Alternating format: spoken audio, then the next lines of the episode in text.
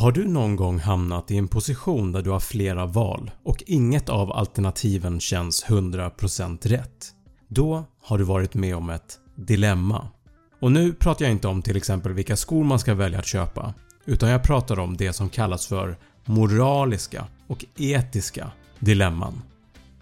Jag kommer att ge dig 5 olika exempel och uppgiften är hur skulle du agera i de här situationerna? Kom ihåg, det finns inga rätt eller fel svar. Skriv gärna dina svar och motivera varför i kommentarsfältet efter att du har tittat klart. Du kan pausa videon om du behöver tänka. Vi börjar direkt. Nummer 1 Livbåten Du sitter i en livbåt efter en olycka som skedde ute på havet. I livbåten sitter det även 19 andra personer. Det finns ett problem. Båten är bara byggd för 10 personer och håller nu sakta men säkert på att sjunka. Inom kort kommer alla att drunkna i det kalla vattnet.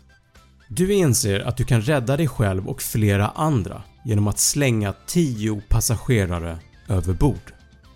Vad gör du? Är det moraliskt rätt att rädda några personer genom att offra några andra? Och kom ihåg, om du inte gör något så dör alla. Vad gör du?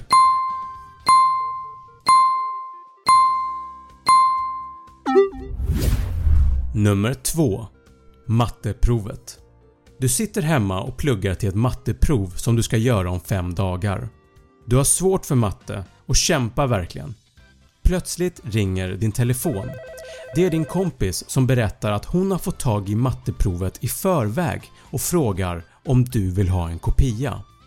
Även om provet inte har svaren så skulle det ändå gynna dig att titta på det i förhand för då vet du vilka frågor som kommer. Men om du blir påkommen riskerar du att bli underkänd. Vad gör du? Tar du emot matteprovet från din vän? Eller tackar du nej och fortsätter att plugga på egen hand?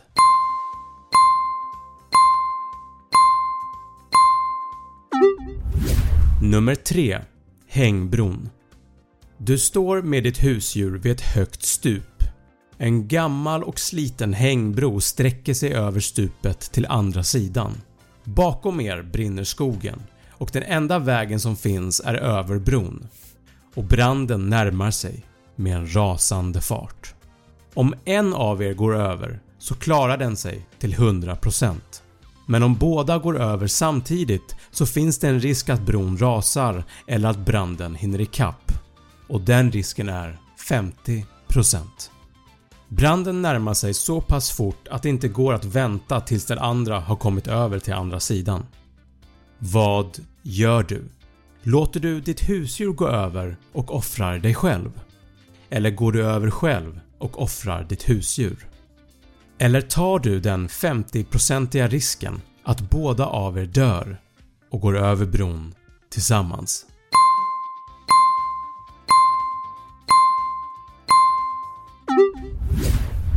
Nummer 4 Bröllopet Din vän ska gifta sig och du är bjuden på bröllopet.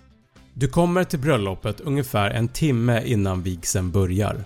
Av en ren händelse råkar du se bruden komma ut från toaletten tillsammans med din bästa väns best man.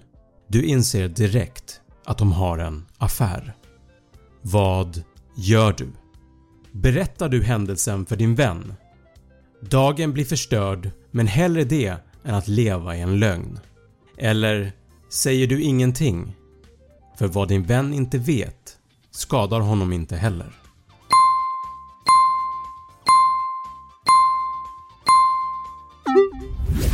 Nummer 5 Bankrånet Du är ute på en promenad och blir ögonvittne när en man rånar en bank. Mannen behåller inte pengarna själv utan donerar alla pengar till ett fosterhem som nu äntligen får råd att mata, ge kläder och omvårdnad för barnen som bor där. Du vet vem som rånade banken. Om du går till polisen och berättar vem som är gärningsmannen och var pengarna har tagit vägen så kommer pengarna att tas tillbaka till banken och lämna de hungriga barnen i nöd. Vad gör du? Berättar du allt för polisen? Rätt ska ju ändå vara rätt. Eller säger du ingenting eftersom pengarna gick till en bra sak?